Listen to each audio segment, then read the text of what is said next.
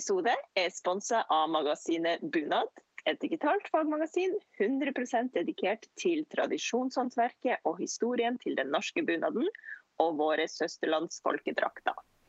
Få 10% rabatt på abonnement ved å gå til bunad-magasinet.no slash sommerli. Som abonnent får du tilgang til hundrevis av reportasjer fulle av fantastiske bilder og spennende historier om bunader og tradisjonshåndverk. I tillegg får du også en årlig temabok. Hei, Mari! Hallo, Tanja, og velkommen til episode 103. I dag skal vi snakke om bunad med bunadssyer Siri Sveen Haaland. Eh, og før vi introduserer henne, så skal jeg komme med litt grann fakta. Fordi eh, vi liker jo å starte med litt fakta noen ganger.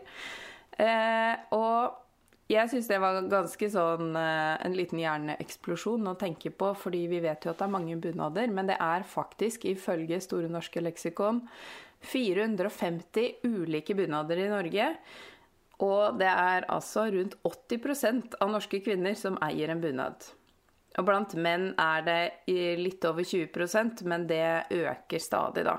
Og det kan vi vel si at vi ser, at det er en eh, økende popularitet. Så derfor så har vi veldig lyst til å snakke med Siri om det her i dag. Så velkommen, eh, Siri. Har du lyst til å gi oss en liten introduksjon selv, kanskje? Hei, hei. Takk for at jeg fikk komme.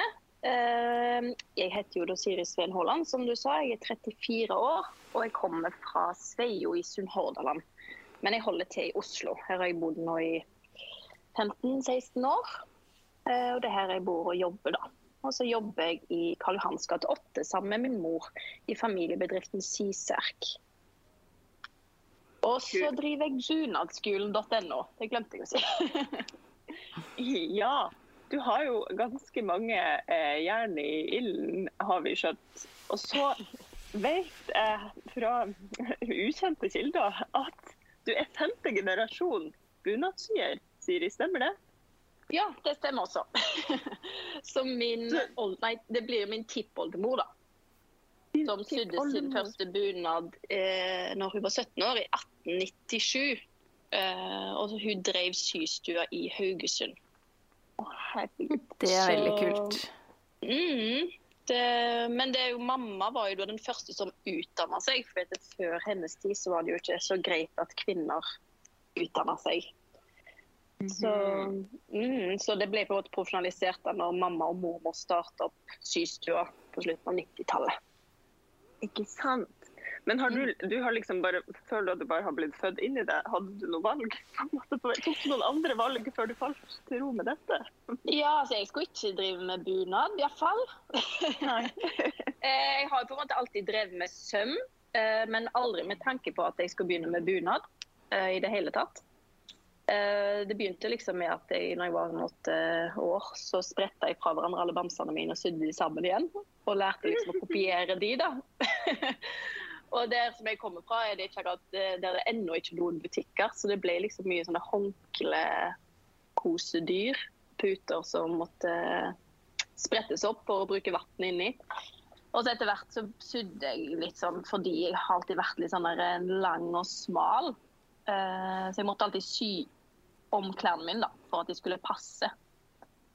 Eh, og mm. så fikk jeg symaskin til konfirmasjonen. Eller før det så hadde jeg sydd på min farfars gamle symaskin. Det var en sånn Singer, det er sånn svart med en svær trekloss under.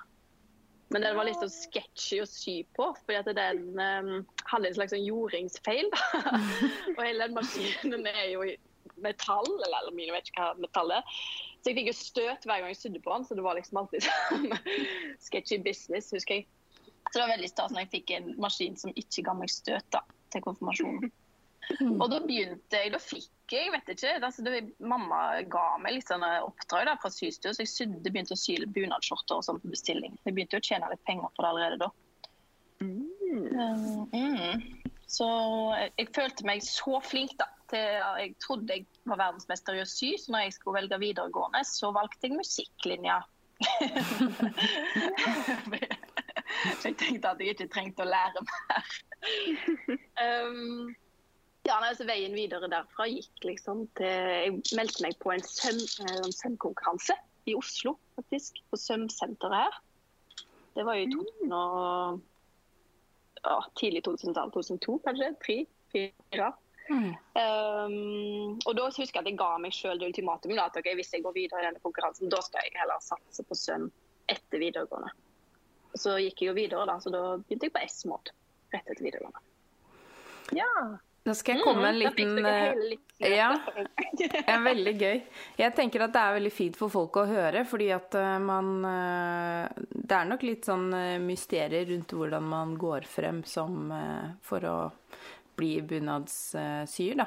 Jeg skal komme med en mm. liten fun fact, og det er at den konkurransen du snakker om, den har jeg vært dommer i. Hæ? Er det sant?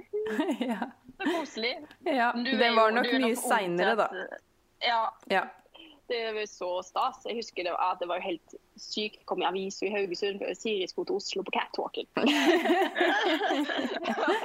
Nå husker jeg I retrospekt det var liksom en liten catwalk på svømmesenteret. ja. Men det var noe stort, da. Ja, ja. Det er morsomt. Men du begynte altså på S-mod og skulle bli designer, da? Eller? Ja, ja var det jeg skulle ja. bli. Jeg skulle bli klesdesigner. Og det som var drømmen min når jeg gikk på Estmod, var jo at jeg skulle eh, For det jeg lærte der, var at det beste arbeidserfaringen du kan få, er jo å jobbe i et stort firma eh, som klesdesigner. Og da tenkte jeg liksom, da ville jeg ha jobb i det verdens største, i Hennes Maurits. Så det var mitt ja. mål. Eh, altså som designer, ikke butikk. Som designer på hovedkontoret i Stockholm. Det som mm. skjedde var jo altså, Men underveis på Esmo så fikk altså, det dryppte liksom Jeg satt alltid og sydde på en eller annen bunad som mamma liksom pusha bort på meg. Men jeg tenkte aldri over på det at det var det jeg skulle gjøre, da. Uh, og etter um, når jeg gikk ut av Esmod, så satt jo faktisk en fyr fra Hennes Mødres også i juryen um, på, når vi hadde avgangsshowet vårt. Uh, og jeg fikk kortet hans og fikk tips om å søke, da. Og jeg søkte, og jeg fikk førstegangsintervju, andregangsintervju, tredje borte i Stockholm. Og så ble det stille, da. tenkte jeg ja ja, det skjer liksom ingenting der. Og på det året, da, etter jeg da var ferdig på S-mod, så bodde jeg litt i Stavanger. Da sydde jeg på bunader for å tjene penger. Og jeg satt i Stavanger, og mamma satt i Spania, og vi sydde sammen på Skype. Satt sammen hele dagen og sydde. Og liksom, når våren kom, så sa mamma at kanskje vi skal begynne å jobbe sammen i samme lokale. Det hadde vært hyggelig. Um, og innen ei uke etterpå da, så hadde jo hun vært på visning her i Oslo. På et lokal i Karl Johans gate 8. Og sa liksom bare, bare ringte meg og sa at du, nå har jeg tatt det lokalet. Jeg bare OK. Mm, jeg bor i Stavanger med samboer. Men nå fikk jeg jo grunn til å flytte fra han, eh, og hun fikk grunn til å flytte til Oslo. Så vi da begynte vi rett og slett i Karl Johans gate 8. da. Og det som skjer, er jo at en sånn uke eller to etter vi har endelig flytta inn her, og på en måte jeg har bestemt meg for at dette skjer, så får jeg jo da mail fra hennes Maurits med jobbtilbud. Mm. Mm. Ja, så det var jo sånn veiskille. Men jeg valgte, jeg sa jo nei, da. Ja. Fordi da følte jeg at jeg eh, nå har jeg jo fått jobben, så nå følte jeg hadde fått bevist det. Mm. og så var jeg veldig ung. Jeg tror ikke jeg hadde sagt nei i dag. Det er ikke så lurt å si nei til en drømmejobb, på en måte. Men jeg er veldig glad en dag i dag for det valget der. Ja. Men eh, det er jo mm. den ultimate sånn eh, slow fashion versus uh, fast fashion. ja, absolutt. Eh, så... så jeg, har jo, jeg har jo drevet klesmerke ved siden av. Jeg starta et klesmerke som heter Black Rat i 2012. Mm. Um, så jeg har virkelig fått oppleve det å jobbe med ja, det å produsere klær og det å jobbe med bunad. da. Det å ha kunder innom som kanskje har vært og fiksa bunaden sin. og så hadde jeg jo Blackbat-tingen her også. Jeg hadde en fin bambuskolleksjon og viste litt, å, se, sjekk denne T-skjorta her, er 100% bambus. 699 koster. Du kan bruke den til alt. Du kan bruke sånn som superundertøy til hverdags, liksom til fest. Og vi bare ah, Det liksom stusser litt på prisen, da. Og så kommer det rett etterpå. Men jeg skulle forresten hatt en jakke til bunaden min. Hva er prisen på den? 12 500? Ja, jeg tar en sånn. ja. Det er veldig sånn, Du blir helt sånn What? Hva er det som skjer? Du velger et plagg til 12 000 kroner som du bruker én dag i året. Ja, det er veldig Mm. det, ja, det er en tankevekker, da. Ja, men det er jo også, tenker jeg. Det er jo også en, en, en slags sånn et lite hint om eh, hvordan man egentlig bør tenke på klær. At man skal på en måte eh, heller legge litt penger i noe man kan ha skikkelig lenge og ta vare på. På den måten man gjør med bunad. Man bruker jo ikke den like ofte, men, men i prinsippet så er det jo liksom den, den tankegangen man bør ha til grunn når man eh, skal kle seg til vanlig også. Hvis, hvis alt hadde vært eh, gode favorittplagg, da, så kunne man jo ha tenkt mer sånn. Men det er jo også, tenker jeg, et lite sånn eh, hint for de veldig mange som lurer på hva de skal velge. De vil jobbe med søm, men ikke helt vet hva. Så er det jo sånn bunadsyrke, altså de tinga som har med bunadssøm å gjøre. Det er jo veldig ofte på en måte mye tryggere penger da, enn liksom å være enda en klesdesigner. Eh, Det er i hvert fall mitt inntrykk. Du, kan du bekrefte det inntrykket? Ja, absolutt. Altså, hvis du skal drive med søm, så er det jo Der er vi så heldige i Norge at du faktisk kan tjene ganske godt på det å sy. da. Mm. Uh, og det er veldig stor forskjell, syns jeg, på, på altså vanlig skreddersøm eller sånne Hvis du skal legge opp en bukse kontra legge opp en bunad. da. Mm. Det er veldig store prisforskjeller. Og der, der er jo vi prisgitt det som syr bunader. Mm. Så sånn sett er det veldig bra. Jeg er veldig glad for at vi har den kulturen vi har Mm. for bunad, rett og slett. Ja. Så, og igjen, det, der, det, ja, det øker jo denne bevisstheten på det å ta vare på ting. Eh, bare folk har ennå til gode å kanskje liksom videreføre det til klærne sine, da. Mm. Det kommer. Det Det må komme. Det kommer, ja. Ja, ja men det er på vei, tror jeg. Mm. Ja. Så det er veldig, veldig bra. Men du som, altså så vidt jeg har skjønt nå, så lærte du det meste av uh, moren din? Altså når, Ja. eh, for å, ja. Men så bestemte du deg også for å ta svennebrevet. Er det svennebrev eller er det fagbrev når det er bunad? Jeg har ikke tatt svennebrevet. Nei, du har ikke tatt svennebrevet. Der ser Nei, du. nei, Der er vi slett, misinformert. eh, Ja, ja, ja. Nei, det har jeg ikke tatt. Det er derfor jeg ikke kan kalle meg for bunadtilvirker, syns jeg sjøl. Oh, ja. Mm. Det er Eh, Det forskjellen. jeg hadde en, eh, når jeg gikk på Esmond, så spesialiserte jeg meg på herresøm. Så jeg hadde en veldig stor plan om å ta svennebrevet som skredder. da. For jeg visste ikke at det var noe som het bunadtilvirker da. Eh, Det er jo ganske nytt, egentlig. Eh, Nå er det jo lettere i dag å bli bunadtilvirker, eller det er flere muligheter, da. Ja, kan, Så jeg har jo vurdert å kanskje lyst ta til det. Å, har du lyst til å bare sånn kjapt fortelle om hva, hvordan man kan bli, hvis noen der ute sitter og lurer på om hvordan kan jeg bli bunadtilvirker? Uh, ja, det du kan gjøre, er jo, det er jo to år på videregående. Uh, mm -hmm. Og så er det to år i lære, i lærebedrift. Som må dokumenteres, da. Men hvis du ikke, for det er jo ikke alle som eh, har mulighet til å gå på videregående. For det er jo veldig mange voksne eh, som har lyst til å eh, begynne å sy. Og da er det liksom litt steg tilbake å gå på videregående. En har kanskje ikke råd til det. Men da kan du ha fem dokumenterte år i arbeid Ja. som å bunadtilvirker, altså i lære. Og så kan du ta det som privatist. vei, da. Ja. Nå har jeg jo hatt 13 år i lære, på en måte. Så jeg har jo absolutt vurdert det å ta svennebrevet, men det, er jo denne, det tar jo litt tid også. Jeg har, eh, det er ikke noe jeg har mye av. Det, det jeg kan si da, i forhold til det å jobbe med bunad, det er jo sånn med all søm, eller med egentlig alt som er praktisk, så er det jo erfaring som er gull verdt. For det i Mm. forhold til skolegang, da, det er jo hvis du går på eh, videregående linje, så er det jo ikke bunadslinje. Det er jo en sømlinje, så du lærer på en måte litt sånn generelt. Men bunad er jo liksom en egen greie igjen. Jeg merker jo veldig sjøl at jeg må på en måte utenfor mine egne rammer fra det jeg lærte sjøl, er smådd, f.eks. Uh, det er ikke liksom, du kan ikke egentlig sammenlignes med skreddersøm. Kanskje noe innenfor herrebunad, på en måte. Mm. Eh, det er mye sånn altså, Du skal ikke ha strykeinnlegg i en kvinnebunad, f.eks. Helt Nei. ulovlig. Mm. Um, mens det finnes noen unntak innenfor herrebunader, der, det, der det går greit f.eks. bak lommer og knapper og litt sånne ting. Um, for dette er jo, Det som er så fint med bunad, det er jo dette er faktisk dokumenterte eller vi har konkrete bevis på plagg som har holdt i over 100 år. Um, og det jeg ser sjøl, jeg gjør jo mye omsøm for eksempel, og spretter opp gamle bunader. Det jeg ser f.eks. dette med innleggsstoffer, da, er at 20-30 år gamle bunader har jo bare en sånn Trykkeleggene ligger inni der bare som en sånn pløse, fordi limet har gått opp. Og limet mm. går jo liksom ut på dato. Mm. Så mm. mm. Det var litt sånn teknisk, da.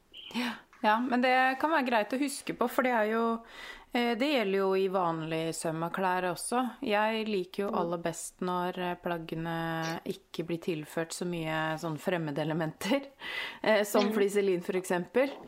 Eh, og det bekrefter jo egentlig bare det at det belegget med den litt sånn lefsete fliselinen på baksiden liksom om 20 år, da, da blir, Det blir på en måte mm. ikke et sånt arvestykke på den måten hvis man tilfører for mye sånt. Ja, sant. sammen med strikk eller alt som er elastisk. da. Mm. Det blir sånn morkent etter hvert. Mm. Så det er liksom forskjell på hverdagsbruk og ting man tenker at uh, skal liksom bli en Eh, et klenodium. Selv om det ikke akkurat ja. alltid er det man tenker, da. Gjør du ikke? Hva er det du sier nå? Men kanskje noen eh, begynner å tenke at de skal sy klenodier fra sånn fremover. Yes. Men ja, nei, så i forhold til det å begynne å sy bunad, jeg tenker bare begynne å sy. Mm. Bare ja. sy masse. Gjør masse feil. Og det som jeg virkelig har lært uh, mye av, det er rett og slett å gjøre omsøm på gamle bunader. For da får du på en måte direkte tilgang til å se hvordan de er sydd, da. Og hva løsninger folk har gjort og litt sånne ting. Um, mm. Det er bare å gønne på. Og det er absolutt, eh, hvis du skal jobbe med dette, uh, så det er absolutt der du tjener mest. Også. Etter ja. noen år. I starten tjener du nesten ingenting, fordi det, du bruker så lang tid. Du knoter jo med det, og du er litt sånn redd for dette plagget. da. Mm, ja. Men etter hvert så går det ganske radig. Og det er stort marked. Altså bare jeg har jo nå, nå over 200 på ventelista. Ja. Og, da, for, ja, og da fordeles jo det jevnt utover hele året, for jeg går ut ifra at den ventelista er litt sånn der at ja, hvis du skal ha det innen 17. mai, så uh, må du ha bestilt innen så og så lang tid i forveien, og det er sikkert sånn uh, ja, du, kanskje du har det til 17. Eh, mai uh, 2024. For det er jo veldig ofte Det er jo veldig ofte på våren at folk er sånn Eller konfirmasjoner, eller det er jo ikke alltid bare 17. mai, men men man må vel også, hvis man skal gå til noen, så må man vel planlegge det veldig lenge i forveien, på en måte. Det er jo ikke akkurat et spontanplagg, men sånn type at man har lagt på seg litt og finner ut det i siste liten. Da nytter det ikke å som regel, da. Det er jo Jeg vet ikke hvor mange sånne henvendelser jeg har fått opp igjennom. Jeg har sånn litt sånn to ukers varsel. Det er ingen som tør å sette sprettekniven i et uh, gammelt, kostbart arvestykke med to ukers varsel, på en måte. Nei. Ja, oi, ja, nei, altså I år for eksempel, så runda jeg fjorårets venteliste før 17. mai, altså i januar. da. Mm. Da rakk jeg over de som kom på da. Ja. Så ja, det blir litt sånn. Ja, nei, så De siste som kom inn nå, de kom kanskje på ventelista ja, i februar. da. Mm. Så ja, det er lurt å være tidlig ute. Absolutt. Du har eh, nok å putle med, Siri. Ja, ja det har men. Også, ja, men litt oppi alt dette her at altså, du eh, syr på uh, systua. Eh, men du har også denne bunadsskolen, som jeg lurte på om vi kunne snakke litt om. For apropos ja. å liksom lære seg å sy bunad, da. Ja, la oss snakke om bunadsskolen. ja, altså hva, er, som, hva, er, dette? Eh, ja, det som her på Systua, Vi kom jo her da i 2010, og i 2011 så begynte vi rett på det å holde kurs. Eh, fordi vi skjønte at det var stor etterspørsel. da. Uh, og da har vi holdt kurs her på systua, vanlige folk kommer. Men vi hadde jo en begrensning på 6-8 stykk hver gang. Um, de kom her og annenhver torsdag eller onsdag, og så lærte de å sy bunader. Vi la det litt opp etter behov, da, hva bunader folk ville jobbe med. Beltestakk var en sånn gjenganger, da. Uh, så kom jo koronaen da, i 2020, midt i et kurs. Um, så det var jo litt problematisk. Men da hadde jeg tenkt på i noen år at jeg hadde lyst til å digitalisere kurs på et eller annet vis. Fordi det jeg merka at mens jeg satt og viste et eller annet på kurs, så sto det eh, liksom seks mennesker rundt meg med en telefon i hånda og filma. Mm. Uh, og det, som, det de gjorde, var jo at jeg merka også på de at de fikk jo heller ikke med seg det som egentlig ble sagt, fordi de stolte på at de fikk filma det og at de kunne se på det hjemme. Sant? Men da fikk de heller ikke med seg om det var noe de faktisk lurte på. Det ble liksom litt vanskelig, da. Uh, for det var ikke alltid liksom, mitt bakhode var så beskrivende på det som ble gjort. Så da, altså egentlig, ja, da når 2020 kom, så var jeg veldig klar. I hvert fall i hodet og hadde planen klar på hvordan det skulle være. da. Eh, så jeg begynte å filme da ganske kjapt. Så på høsten da lanserte jeg det som er Bunadsskolen, bunadsskolen.no. Og Der er det da online bunadkurs som folk kan gå inn og ta når som helst. Og Dette er da kurs der du melder deg på, og så har du tilgang til de etter tre år. Kommer an på hva pakke du velger. Si. Mm. Da er det liksom alt mulig rart. Altså sånn er bare Ja, jeg har lyst til å sy en eh, Jeg skjønner jo at du kanskje ikke har tid til å lage alt mulig rart, men, men Nei, jeg har liksom- ikke lagd Jeg har ikke lagd 400 forskjellige bunadkurs ennå. men det er jo et Er det liksom teknikk for teknikk? Bunad for bunad? Eh, hvordan har du lagt det opp? Ja, altså det, jeg har jo et eget broderikurs for plattsøm, men da har jeg jo ja. valgt et fokus på Telemark f.eks. Men det igjen kan videreføres lett til andre plattsømsteknikk, eller andre bunader som har plattsøm. Mm. Så Det er mm. kanskje det mest generelle kurset som jeg har. Men så har jeg f.eks. beltestakk. da. Der er det mm. vel ja. uh, hvor mange kurs? Kanskje ni-ti forskjellige kurs innenfor beltestakk. For det ene er liksom livet, andre stakken, skoningen, forkle trøya, skjorte. Mm. Eh, brodering av lyst beltestakkliv. Ja, korsting, selvfølgelig. Mm. mm. Så um, da kan du liksom du kan, altså, du kan du velge å kjøpe hele pakken og gå gjennom alt, eller ta ett og ett kurs. Da Da kan du jobbe litt sånn i eget tempo også. Og Det merka jo med å holde vanlig kurs, at, det var, at hvis en mista én dag, da, så mista en jo på en måte en åttendedel av kurset, f.eks. Ja. Mm. Så um, dette, det funker veldig bra. Så, akkurat på beltestakk også, så har jeg også sånn organisert kurs. Eh, der vi møtes annenhver uke på Zoom. Og så tar vi oss mm. opp det møtet, da, eh, der vi går gjennom disse videoene som de skal jobbe med til neste gang. Og Det har også fungert kjempebra. Jeg er helt eh, imponert. For nå, nå, er de akkurat ferdig, de som har gått siden januar. da. Mm. Så jeg blir helt sånn rørt når jeg ser det. disse ja. deres. Og mange lager til døtrene sine som konfirmanter. Og det, og så er det, veldig, det er litt sånn koselig å bli kjent med folk også, da. For det er jo på en måte ulempen med online-kurs. Mm. Men ja. det er vel der den Zoom-oppfølgingen er litt fin, at du føler at du er en del av det allikevel? Ja, og at de får på en måte stilt de der eh, dumme spørsmålene som de kaller det, da. Altså mm. det er litt sånn og, Men fordi ja, det er de samme spørsmålene som alle alltid lurer på, da. Ja. Helt sånn eh, for dette er jo folk som eh, ikke liksom er profesjonelle styrer. Dette er folk som bare har sydd litt. Mm. Mm. Men det er en ting jeg lurer på, det jo, passer jo som et apropos til bunadsskolen, egentlig. Fordi eh, det er jo sånn at når du skal lære å jobbe med bunad, så er det jo så utrolig mange ulike eh, teknikker og tradisjoner. Det er liksom eh, broderier, du nevnte jo plattsøm, det er jo mange broderiteknikker. og eh, perlebroderi og vevteknikker og hardangersøm. Mm. Altså det er jo så mange ulike teknikker som ligger til, til grunn for eh, kanskje bare én en eneste bunad, da.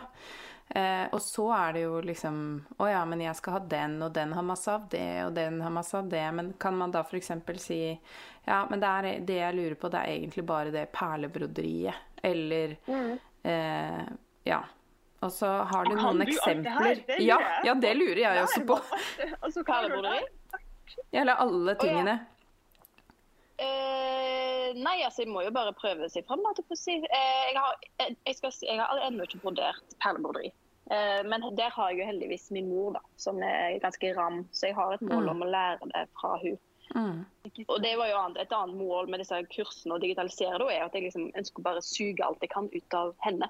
Ja, det er kjempelurt. sånn at eh, vi får på en måte eviggjort det, da. Altså mm. foreviga det. Sånn at eh, de neste generasjonene også kan få lære alt som jeg har lært av henne. Mm. Mm. Eh, For det er jo det som er litt sånn dumt da, med bunadsbransjen, syns jeg, er jo at den er litt lukka. Mm. Det er jo f.eks. enkelte eh, bunader, husflider, som på en f.eks. bare selger materialene til én bunad hvis du går på kurs der. Mm. Men hvis du bor seks timer unna den plassen, så er det jo litt vanskelig eh, å stille opp på det kurset. Mm. Men du har lyst til å lage den bunaden fordi du har røtter derfra, f.eks. Ja. Eller bare har lyst på den bunaden. Så eh, ja. Så dette, jeg har jeg har lyst, målet mitt er bare å åpne opp og gjøre det tilgjengelig for alle. Fordi Mm. Før i tida så sydde jo liksom alle sjøl. Og alle var ikke Alle hadde ikke svennebrev eller svømmeutdannelse, på en måte. Mm. Tvert imot. De hadde bare lært det fra tidligere generasjoner, da. Så det er jo overkommelig for alle, tror jeg. Mm. Men som jeg nevnte nevnt tidligere, så det er jo, jo mer du syr, jo flinkere blir du, jo finere blir det. Men hvis du driver Ja, jeg ser jo så masse gamle bunader. Eh, Mm. og det er jo ikke fantastisk håndverk, om jeg skal skrive det sånn. Altså, det er jo mye sjarmerende søm, da. Ja, enig. Og det syns jeg er en veldig viktig del av, av bunaden, egentlig. Så du Ja. skal videreføre den sjarmerende sømmen. Det trenger ikke være så himla perfekt, da. Ja. Mm. Ja, jeg er veldig enig, og, og det lurer jeg liksom på fordi man eh, som, Hvis man vil bli bunadstilvirker, da, så går man jo kanskje i lære. Eh, Men da tenker jeg at det egentlig er litt vesentlig at man bør gå i lære da mange forskjellige steder, ut ifra eh, hvilken bunad eller hvilke bunader man har lyst til å lære seg. Ja, Fordi det er jo jo liksom finnes- lokalt så mye Her er det jo Jeg vet jo om flere som er sånn Ja, hvis du skal lære den bunaden, da må du gå til den personen. Mm. men, eh, men så er det jo Ja, det er liksom vanskelig sånn Hvordan vet man at man ikke bryter noen regler i, et, i en annen bunadstradisjon hvis man på en måte som Uh, som profesjonell da, tar imot en bunad Mm. som man aldri har gjort før, eller kontakter man da en læremester og får litt ekstra input, eller nå har vel du kanskje vært heldig med moren din, men Mm. um, ja, det, altså, men jeg går ringer rundt til Mhm, folk. å ja. Altså, mye, Ja. altså husflidsbutikkene rundt om i landet. mm, For å høre eller be dem om å sende et bilde av hvordan den løsningen egentlig skal være, f.eks. ja. Ja. Så det er jo bare å gjøre det. Og da er folk flest ganske greie, altså. Mm, Eh, Men sånn i forhold til det å bare lære litt fra alt, er jo Det har jeg lyst til å gå på sjøl, men de har jo lagt opp en sånn bunadsutdanning nede på Rauland. Sånn Ja. modulbasert utdannelse, som er, jeg tror det er seks moduler. Der du kan bo ei og ei uke nede på Rauland. Og så er det forskjellige temaer. da. En lærer om om det er Mm. skjorter eller broderiteknikker. Eller, og da går de liksom, tar de for seg litt fra hele landet, da. mm, Og det du egentlig ser etter hvert, er jo at eh, det er jo mye fellestrekk mellom de forskjellige bunadene. Altså F.eks. i skjorter. Altså du har, du har plattsøm, korsting, pleatsaum, tellesøm. Altså det er jo på en måte bare eh, Det bare mye forskjellige ja, variasjoner Ja. av mye like teknikker, da. Mm. Heldigvis. Hva er din favoritteknikk, Siri? Å, favoritteknikk? Hmm. Ja. Oi, det var vanskelig.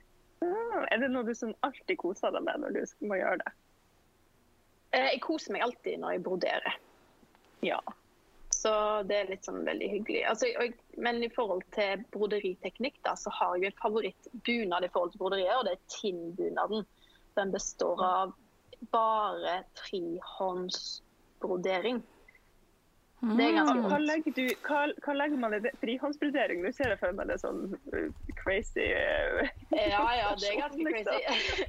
Nei, altså det, som, det er mange som tror at all brodering er frihåndsbrodering, at en bare broderer etter et bilde, på en måte. Men eh, all plattsum er jo tegnet opp, og så broderer du innenfor de rammene. Ja, sånn, ja. Mm. mm, Mens eh, på denne tilbudene, da, så er det, altså det er jo gitt det er sånne rosemønster. Altså det er type eh, bunadsrosemønster. Som de da syr på frihånd. Det består mye av liksom kontursting da, som du legger på utsiden av hverandre. I Mm. masse forskjellige syrete farger. Er Jeg har nå googla det, og Ja. det er Jeg er enig med deg, det er veldig fint med de, med de rosene. Og jeg får nesten litt sånn russiske vibber. eh, av fargekombinasjonen på de rosene. Det er jo litt sånn deilig og sprelsk. Ja, og de, altså de fargene de bruker, det er helt sånn Altså det er liksom neon og fluorfarger, da. Mm. Så det er kjempegøy. Men samtidig veldig sånn blomsterbedaktig og, og naturlig. Selv om det Mhm. liksom popper. Ehm, og i hvert fall det som kommer opp da når jeg For nå tok jeg et kjapt Google-søk, som jeg regner med at alle kommer til å gjøre når de hører på. og den er jo da har jo en sort og grønn base, sånn at de popper jo veldig fint.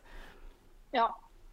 Altså når du ser det nærmere, så blir du sånn Altså, shit. Hvor, Ja. altså, du, jeg skjønner ikke hvor lang tid det tar, på en måte. Altså, det er helt sånn det, Men du vet hvor lang tid det tar. Hvor lang tid tar dette? Ja, nei, sant. Jeg, jeg har aldri sydd en tilbunad, da. Nei, okay. Det er liksom det, er- det er sånn Men du har frihåndsbrodert disse fantastiske eh, rosene. Ja, ja, ja. Jeg har Ja, eh, prøvd. og det tar tid. Det tar tid. Det tar helt sinnssykt lang tid. Jeg har ikke tatt Mm. tida, da. Jeg har aldri tatt tida, faktisk, på når jeg har brodert. Jeg tror det er lurt å ikke gjøre det. Ikke gjør det. Iallfall når du skal ta betalt, fordi det blir på en måte Da blir du litt sånn deppa. Ja. Ja. Fordi, Ja, fordi man, har en, man har liksom en pris eh, uavhengig av Du teller ikke timer, og så sier du 'Jeg skal ha 213 000 fordi jeg har brukt det, så og så mange Ja. timer'. Nei, sant. Det blir Nei. det liksom vanskelig innenfor akkurat det der. Så ja, innenfor brodering så tjener du nesten ingenting. Mm, Men uh, det er derfor det, det er hobby i tillegg, da. ja. Og, Og det er jo det gleden med det. det er vel også derfor det er blitt eh, flere og flere bunader som produseres maskinelt, eh, gjerne i utlandet.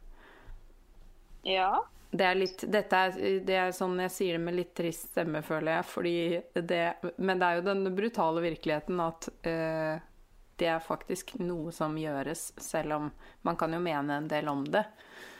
Uh, Ja, altså en ting er jo maskinelt. Altså det, um, det som jeg syns er verst, det er at det, vi ikke liksom vet uh, om disse menneskene som sitter Ja. der borte og broderer. Hva Ja. de får betalt, og hva arbeidsforhold det er.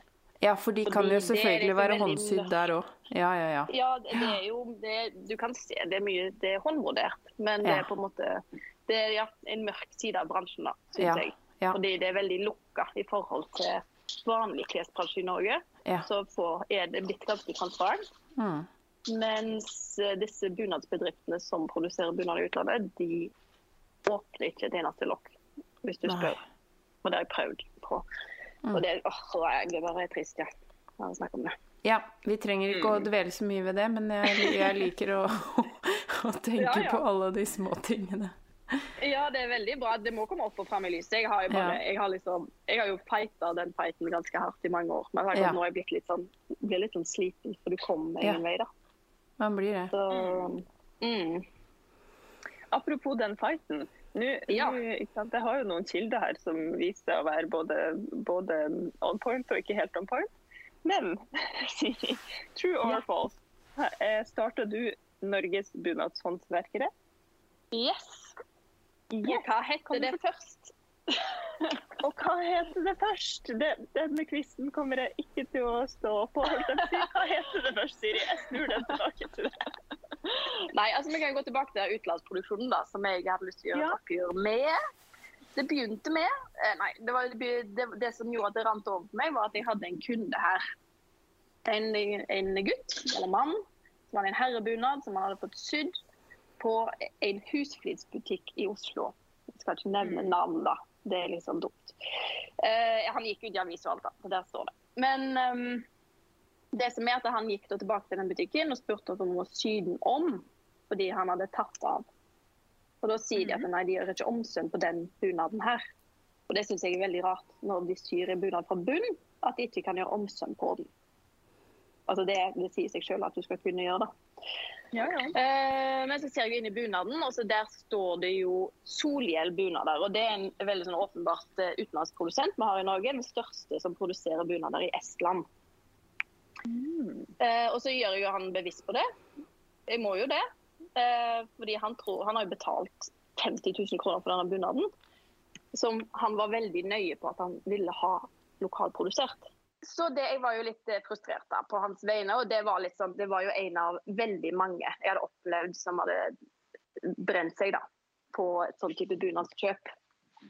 Eh, og ikke blitt informert om hvor det var produsert. Eh, og da satt jeg her vet du, og sydde og tenkte det at vi har jo faktisk ingen oversikt i Norge på eh, alle de som produserer lokalt. Eh, for vi har, I forhold til lovverket så er det et problem at vi ikke har noe krav om å merke klærne hvor de er laga, eh, eller hva kvalitet materialet består av. Det er veldig dumt. Det er veld Norge er et av veldig få land som ikke har det kravet. da. Mm. Og det funker fint på vanlige klær, fordi at de fleste som produserer vanlige klær, de selger kanskje i utlandet også, og da må de merke de, sant? Så de merker de uoppfordra, og så vil folk ha en transparent produksjon, da. Men det vil ikke de som produserer bunader i utlandet. Um, nei. Så eh, da fant jeg ut at jeg har lyst til å samle alle de som driver lokal produksjon av bunader i Norge. Og så hadde jeg lyst til å få masse PR på det og lage en stor debatt. Så jeg kalte jo da denne foreningen for Bunadspolitiet. Ja, det var dette som var bunadspolitiet. Ja. Fordi jeg også er litt lei av det der bunadspolitiet, da. Jeg ville, så jeg liksom Litt sånn frustrert hver gang de eh, nevnte bunadspolitiet i media. Så snakka de liksom med bunadseksperter, og dette var jo da disse utenlandsprodusentene.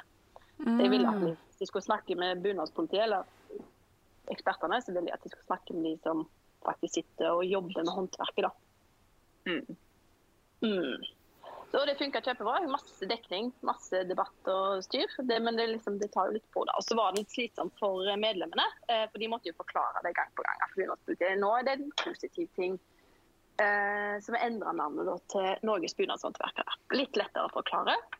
Eh, og litt rundere i kantene. Ikke så kvast.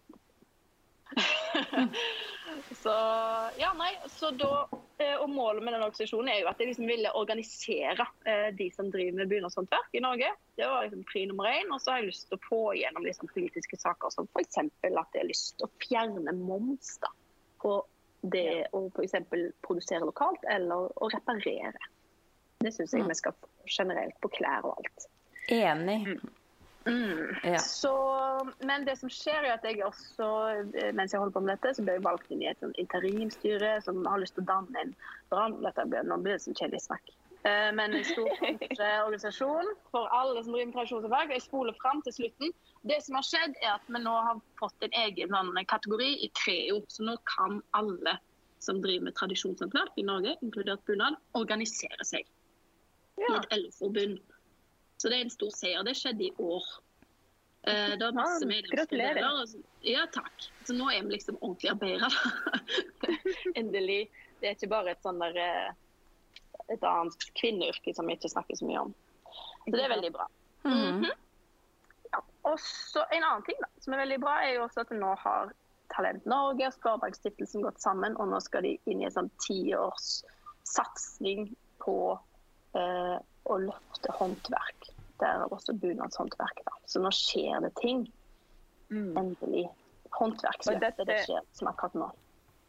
Ja, og dette er en sånn satsing ut mot unge for å få flere unge til å um, eh, interessere seg for faget. Yes. For riktig? Mm. Ja. Helt riktig. Jeg sitter i fagutvalget der, da, så jeg uh, syns det er kjempegøy. Gøy. Det. Ja, Mm. jeg er veldig engasjert. Men ja, det var Norges bunadshåndverkere sin lille historie. Mm. Men det eksisterer ikke nå lenger. Avvikla det da når vi fikk en egen Creo-retning. ja. Når det ble et eh, faktisk fag, eller hva var det du sa? Det er et. Utrolig. Ja. Absurd at det liksom ja, har tatt så lang tid og så mye arbeid fra deg. Ja, så, så merker jeg jo også det at det, det krever jo litt å drive en organisasjon.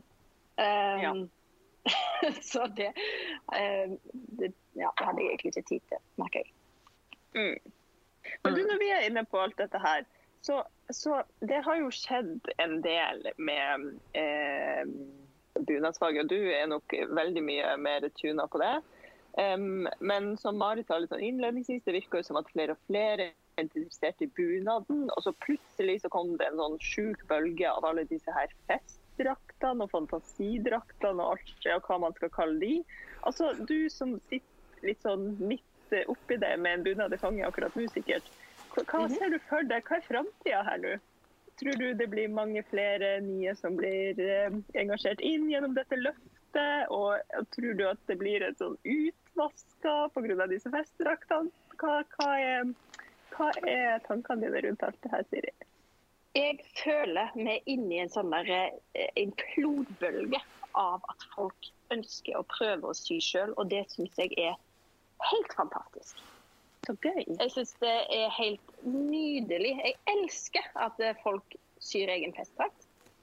Eh, At de faktisk tør å på en måte prøve seg og feile og begynne å sy. Eh, Og jeg er ikke redd for at festdrakter skal utvanne bunad.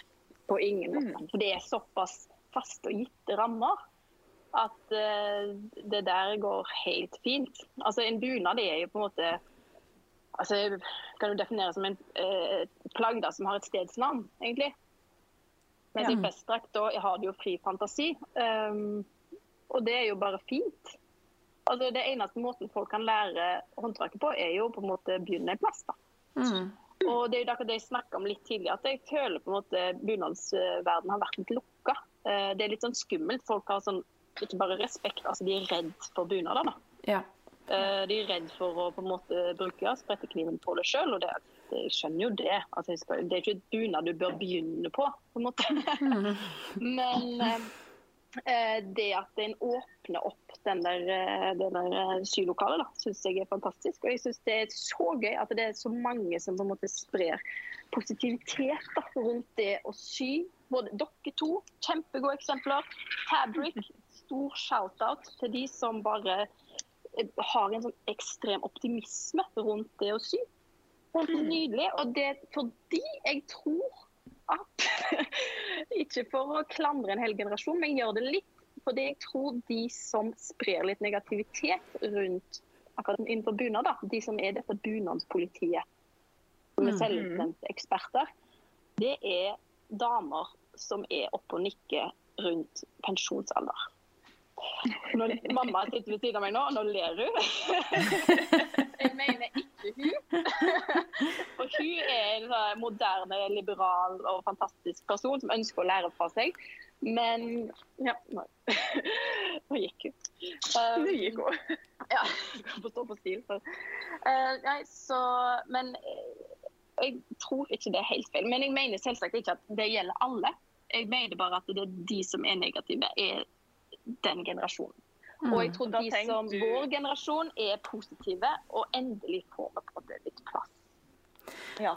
Og Ja, og da tenker jeg også på det her at eh, den generasjonen holder ofte kortene ganske sånn tett i brystet. Det er ikke så mye sånn sharing is caring-stemning. Nei, du ser ikke de deler søvnteknikker på Instagram, liksom. Det, det skulle ønske de gjorde det. Jeg føler de er veldig sånn ja, For de har så Det mye er mye kunnskap. giftig. Ja, de, altså, de, er- de, har så mye kunnskap, men de er liksom sånn øh, Sitter og ruger på det. Jeg vet ikke hva de skal med det, liksom. Altså, nei. Så, men det er jo, jeg mener ikke alle. Det er bare noen som dessverre på en måte eh, Ja. Eh, brer det dårlige budskapet der, da. mm. Men det er fordi veldig veldig mange er fantastiske. Ja. Ja. Ellers så hadde vi jo ikke hatt noe bunadsfag hvis ikke noen var fantastiske på å spre det.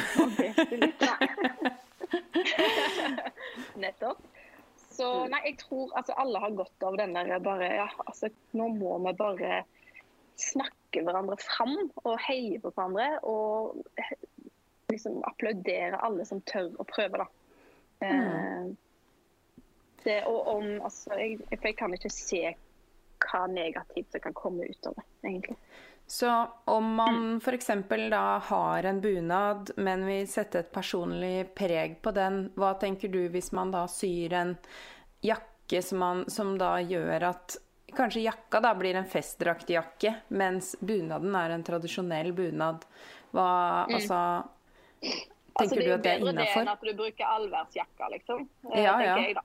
Enig. Så altså, hvis du ser på um, bunadens mor, Hulda sjøl mm. altså, Det finnes jo bilder av hun med hallingbunad og rødtrøye fra Telemark på.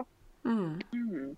Eh, Det er jo uhørt i dag. Det er jo ingen som hadde tørt å gjøre noe sånn. Eh, Men um, hun var jo veldig liberal og mente at jeg liksom skulle mikse og matche litt eh, etter behov. Eh, Mm. det er liksom bunad er bunad. Du kan jo faktisk komme fra flere plasser.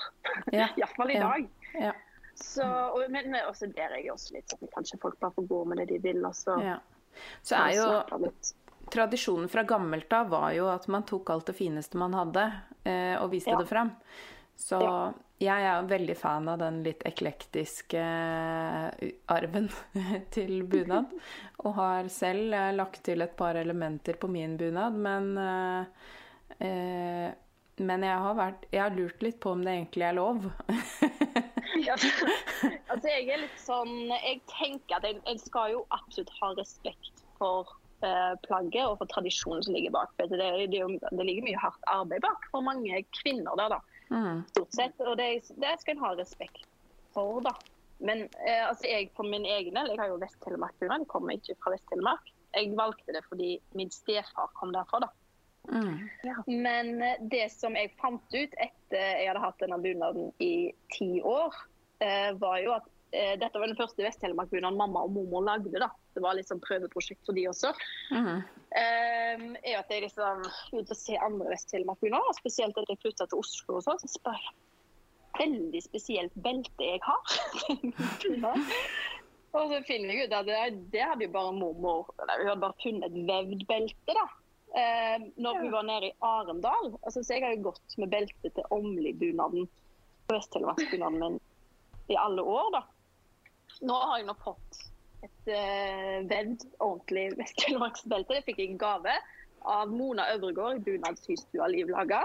Liten shout-out der òg, ja. Med digge hun. Mm. Eh, og ja, Men igjen, altså det skjedde Det var ikke sånn at uh, bunadsbransjen bransjen kollapsa fordi om jeg hadde det beltet til.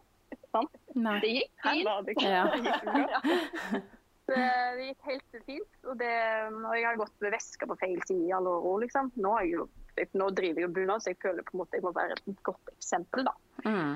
Mm. Uh, men eh, ja, altså, jeg, ja, jeg syns bare med respekt i bånd, så kan en gjøre det en vil, tenker jeg.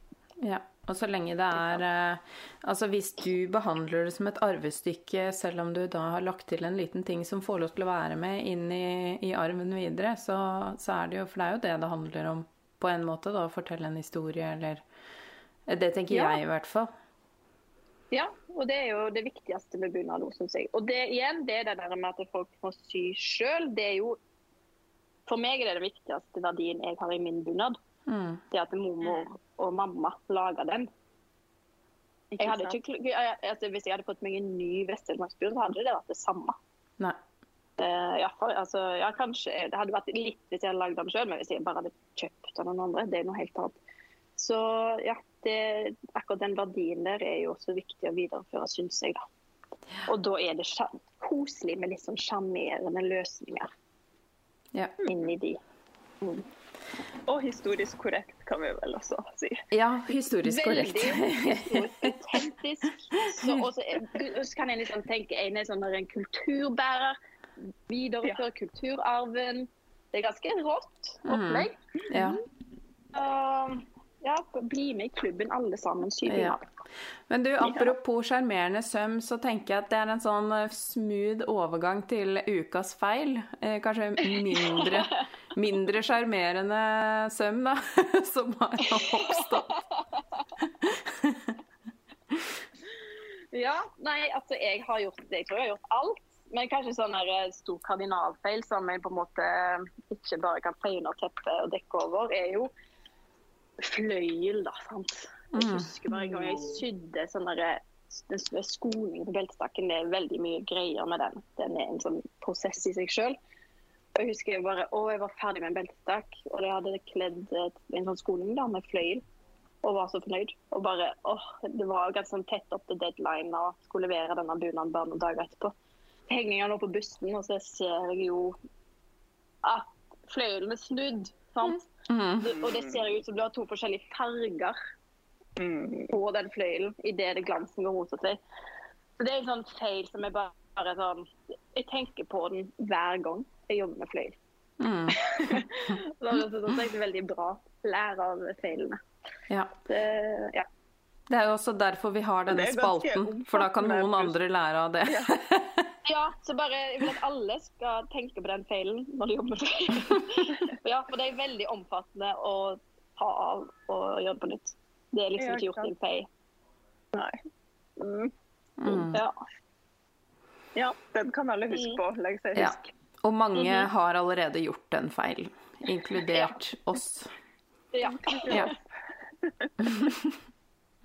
Ja. Fra feil til innspo, da. Har du noen inspirasjon du har lyst til å spre ut eh, mot disse lytterne våre? Eh, ja, altså jeg, Dette er serien i seg selv, men jeg driver og ser på den serien på HBO. HBO Max, Julia. Den handler om Julia Child. Hørte du? Det var Mhm. eh, USA sin sånn eh, første mm, TV-kokk, da. Og så i tillegg var hun kvinne, så det var liksom foregangskvinne. Uh, fin serie, altså. Men det, er ikke, det var et sitat hun sa i den serien som jeg beit meg veldig merke i, som jeg bare jeg tar veldig med meg. da. Og da siterte hun ei dame som heter Madeleine Albright. Hun ble senere utenriksminister i USA. Var da, altså akkurat under på 60-70-tallet så var hun professor. sånn. Men det hun sa, var at det finnes en spesiell plass i helvete for kvinner som ikke hjelper hverandre. Sånn i, tanke på alt vi har snakket om, så føler jeg det er litt sånn Jeg føler jo veldig på det i denne bunadsbransjen, og spesielt kanskje Jeg føler vi nesten kan si at det finnes en spesiell plass i helvete for bunadspolitiet, da. Og det, det, det, det er de kvinnene som som det er liksom, Bunadspolitiet er de kvinnene som ikke unner andre kvinner godt. da. Mm. Mm. Sånn mugne damer. Ja, Ja. og det er jeg så lei av. ja. Det har dere Ja. kanskje skjønt. Yes. Ja. Mindre mugg. Mindre mugg Mindre mugg. Ja, bare Ja, så vær litt glad, folkens. Vær litt sånn inspirerende. Ja. Mm. Det- Det var dagens min. Dagens så ble det kanskje istedenfor innspo. Men gjerne se men den serien òg, da. Det er jo en fin inspirasjon, den serien. Og også fint å inspirere folk til å være litt mer inspirerende. tilbake. ja. Ja. Heia på hverandre, det syns jeg er bra. Mm. Ja. Vi kan jo ikke slippe deg uten å åpne skammens skuff. Å ja. Har du, noe, har du en skammens skuff, eller har du noen uferdige prosjekter i det hele tatt? Eller er det, bare føyer de seg inn i ventelisten din, og så Ehm, ja, altså jeg har jo sånn evig liggende Jeg driver jo og lager jakke til min egen bunad. Så Jeg er veldig spent på når den skal bli ferdig. Men jeg har jo også, har, i og med at jeg drev etter klesmerket mitt, så hadde jeg jo en stor grunn til å kjøpe mye stoffer når jeg var ute og reiste og sånn. Jeg hadde sånn, Hver gang jeg var i New York, så altså når jeg var på stoppshopping, var det ikke at jeg kjøpte noen meter. Altså jeg kjøpte 50 meter da kanskje, av hvert stoff jeg fant. Fikk Mm. frakta det hjem til Oslo. Og det står jo her, da. Mm. Så jeg, jeg må begynne å sy snart. Og sy eh, de tingene jeg hadde tenkt av alle disse flotte stoffene som jeg har vært og shoppa i New York. Ikke sant? Mm, så det Det ikke sko. Det, det, er- gammelt lager, på en måte. Ja. det, det er liksom fem kvadratmeter med stoffer. da. Du er ikke alene om å ha mye, mye skam på lager. Tror alle kjenner jo denne. Åh, det var fint stoff. Det kan jeg lage det og det av. Sånn. Ja, ja, Må, ha, må ha litt ekstra. ja. ja. Ja. Og Det er veldig uh, gjenkjennbart. ja. Mm. Kult! Men altså, jeg tror vi kan runde av. Jeg har i hvert fall blitt ganske mye klokere på um, bunadsverden av å snakke med en fagperson som deg, Siri. Det har vært utrolig hyggelig å ha deg på besøk. Jo, Veldig. Veldig koselig å snakke med dere. Og så Så kan vi vel um, um, Vi må ikke glemme at du kan fortelle folk hvor de kan finne deg, hvis noen blir veldig interessert i å kanskje følge deg på sosiale medier eller ja, andre steder. Så hvor finner uh, lytterne våre deg, Siri? Da er på Instagram så er det jo CSERK, og så sånn liggestrek AS, og så er det Bunadsskolen, en egen konto. Mhm. Og meg, meg privat har jeg nå altså fått navnet Bunadssiri. ja. Men absolutt sisak.no og bunadsskolen.no er jo mine arbeidsplasser akkurat nå. Da regner jeg med at uh, våre felles uh, bunadsnerds uh, hopper inn og følger deg der, og fremtidige bunadsnerds. Det er Ja, jo jeg kan jo bare gi et lite tips også. Altså Inne på mm. bunadsskolen så er det altså gratis grunnkurs i søm for de som har lyst til å ta det. Oi, oi, oi. Mm, Veldig gøy. det er Veldig bra. Ja, Mm. fantastisk. Kult, kult.